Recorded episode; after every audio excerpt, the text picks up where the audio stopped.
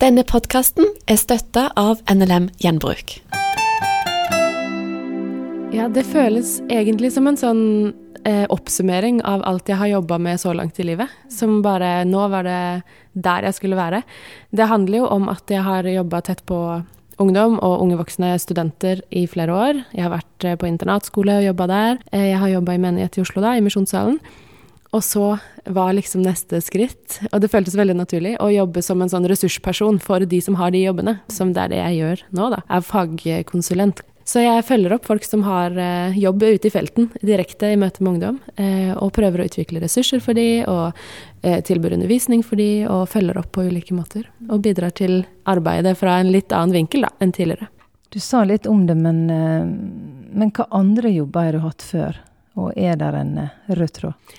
Det er en veldig tydelig rød tråd, tror jeg, og det handler jo kanskje mest om at jeg har jobba i kristent arbeid hele veien. Eh, det begynte som miljøarbeider på Drottningborg videregående skole i Grimstad, der jeg eh, gikk tre år sjøl og hadde et enormt behov for å gi noe tilbake. Det var der jeg ble skikkelig kjent med Jesus og forsto hva troa innebærer, og forsto at dette her var verdt å satse hele livet på. Eh, så å begynne der som miljøarbeider, det var helt fantastisk. Jeg klarte ikke å slutte, så jeg ble der to år.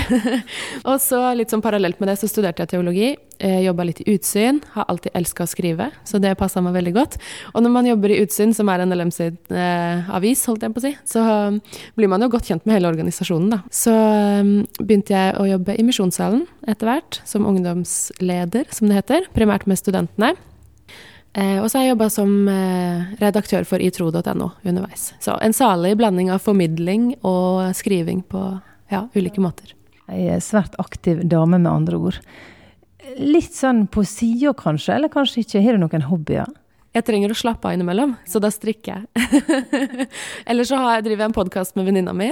Jeg har jo et veldig stort behov for å dele, det vet folk som kjenner meg. Og så liker jeg veldig godt å lese, da. Men nå som jeg har vært i en sånn intens småbarnsfase i noen år, så kjenner jeg at jeg sovner fort når jeg leser. Så lydbok, det har vært redningen. Det kan kombineres med strikking. UL er et stort ungdomsarrangement i Kongeparken på Ålgård i Rogaland som samler flere tusen ungdommer hvert år, hver sommer. Alderen er fra 15 år og oppover, og dette har også Maria Celine, nå 30 pluss, fått vært på. Eh, hvor mange UL har det blitt, Maria? Jeg tror det var nummer 15 i år, så det begynner å bli en del. Er det da kjekt å ha en sånn der lenke rundt halsen så du har lov å være der? Eller er du fortsatt veldig ung? Nei, det betyr jo at jeg er gammel, da. Jeg har vært der halve livet, øh, nesten. Ja. Men det er alltid godt å ha en unnskyldning for å være der. Og jeg tenker at øh, jeg må bare passe på å ikke slutte ett år, for da er jeg redd for at jeg slutter. Så nå er jeg liksom på vei over i lærerjobb, fordi da får man en sånn god sommerferie. Sånn at jeg alltid kan fortsette å være på UL. Så du er òg litt lærer etter hvert, men, men jobben din som ungdomskonsulent i NLM gjør jo òg at du da får være på sånne kjekke arrangement som UL. hvordan er det å være ungdomskonsulent, og hva gjør du egentlig? Jeg har vært så heldig at jeg aldri har grua meg til å gå på jobb. Eh, og det betyr jo både at det er fantastiske kollegaer, men også at arbeidsoppgavene er veldig spennende og varierte. De passer meg veldig godt. Det jeg syns er veldig spennende, er den der faglige utfordringa på å sette ord på tro spesielt, da, på en måte som er relevant, og som gir mening for ungdom, da, som er målgruppa for det. Så det syns jeg er veldig spennende å holde meg orientert og ja, være godt kjent med de som jobber ute i felten, da, som jeg liker å kalle det. De som er eh, fantastiske, dedikerte ettåringer, f.eks. i NLM Ung, som er rundt på skolene våre og reiser i team. De møter jeg tre ganger i året. Og få lov å bare lytte til hva de opplever og hva de står i. Og få bli bedre kjent med kulturen de lever igjennom det, og få være en sånn heiagjeng for de. Og utruste de til å til å drive et fantastisk bra ungdomsarbeid på skolene. Det syns jeg er skikkelig gøy. Og så er det jo disse store arrangementene, da, sånn som UL. Og så har vi omreisende team på skolene, det òg. Jeg har jo jobba tett mot skolearbeidet, eh, som er Vision Team, eh, som har vært i NLM Unge i nå snart 15 år. Og der eh, reiser frivillige eh, studenter rundt til skolene for å ha møtehelg, og bare vise de Jesus og vise de kristne forbilder. Det er fantastisk å være med på. Det er noe som heter at du lærer så lenge du har elev. Er det litt sånn i denne jobben òg? Du sier jo litt om det at du blir eh, positivt påvirka av de ungdommene du møter. Jeg tror ikke det er noen jeg lærer mer av enn de. Eh, de setter ord på ting på hele tida, nye måter for meg. Og så er, er, jeg opptatt av å forstå de, da. Jeg kan jo velge å ikke lære av de, men jeg har veldig lyst til å forstå hvordan de tenker, og hva som opptar de, og da Ja, det er veldig fascinerende. Og du har skrevet bøker. Du skriver bøker for ungdom. Kanskje ikke som en del av den jobben, men det er en del av det du gjør. Hvorfor gjør du det? Du sa litt om at du er glad i å skrive. Jeg er veldig glad i å skrive, men den første boka jeg ga ut, som heter 'Ferdigprestert', den begynte faktisk da mannen min og jeg bodde på Drottningborg for noen år siden. Da hadde jeg noen bibelgrupper med jenter, og så var dealen at de skulle bestemme tema, og så skulle jeg forberede innhold. Og etter hvert så begynte jeg å få en ganske god bunke med livsnær eh, bibelundervisning. Så det blei starten på boka, rett og slett. Og den har jo nådd ganske bredt ut nettopp fordi den er en sånn god kombo av eh, bibelundervisning og nær livet-tema som opptar ungdom, fordi de ville by på sine liv i møte med meg. Da. Så det følte jeg bare at jeg måtte videreformidle, det jeg hadde fått, og da blei det til en bok, da. og så er du på vei med en ny bok. Ja, jeg fikk et ord. Eh, det hørtes veldig rart ut, men veldig ofte så får jeg ideer når jeg dusjer eller når jeg kjører bil. Jeg har hørt at jeg ikke er den eneste som har det sånn, men da blir liksom hjernen klar til å leve sitt eget liv. Og en gang på vei hjem fra pendlerjobb da, i vinter, så fikk jeg ordet for meg 'søker', som da er et akronym som står for at jeg er skapt, at jeg er ønska, at jeg er kjent, at jeg er elska, og at jeg er redda. Og for meg så blei det en helt sånn åpenbaring om at det er noe vi må snakke mer om. Det er en veldig enkel måte eh, å svare på det store spørsmålet 'Hvem er jeg på?' Og så åpner det opp for enormt mye substans. Så gjennom våren og sommeren så har det jobba seg fram et manus eh, til en bok da, som er 25 tekster som tar for seg det fundamentet. da. Eh, så jeg tenker at jeg er en som søker etter svar i livet, og jeg finner det svaret i Bibelen. Og det er liksom forankra i de bokstavene. Søker. Maria Celine Lundeby hun har et lyttetips på en sang til deg. Sangen 'Blessed Be Your Name' med Matt Redman. Det er en sang som jeg har kommet tilbake til i lange, lange, lange tider.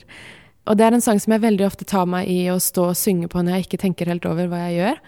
Ja, jeg er nok opptatt av lovsang som snakker sant om livet, da. Og den her snakker sant om Gud og om min relasjon til Gud på en måte som handler om at Gud står fast når jeg er i ulike situasjoner i livet. Og da jeg var 21, så var jeg utbrent, og da var spesielt denne sangen viktig for meg, da, om at uh, ja, blessed be your name uansett omstendigheter, da, rett og slett. Når eh, sola skinner, så er det helt fantastisk å lovprise Gud, men også i de mørke, dype dalene, når livet er utfordrende, så er Gud verdt å lovprise. Maria Celine, du har jobben som ungdomskonsulent i Norsk Luthersk Misjonssamband. Hva er det som engasjerer deg sånn med denne jobben? Hva er jobbprosjektet ditt, på en måte? Jeg forsto hvem Jesus var da jeg var 16 år, fordi jeg møtte ledere og kristne forbilder som hadde tilknytning til min organisasjon. Så jeg tror egentlig alt begynte med det.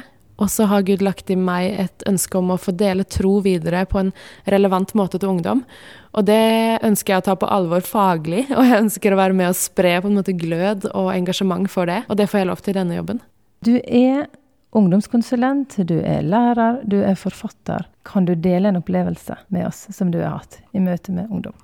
Det som jeg har merka har skjedd etter jeg har gitt ut boka, er at den går liksom foran og baner vei for meg.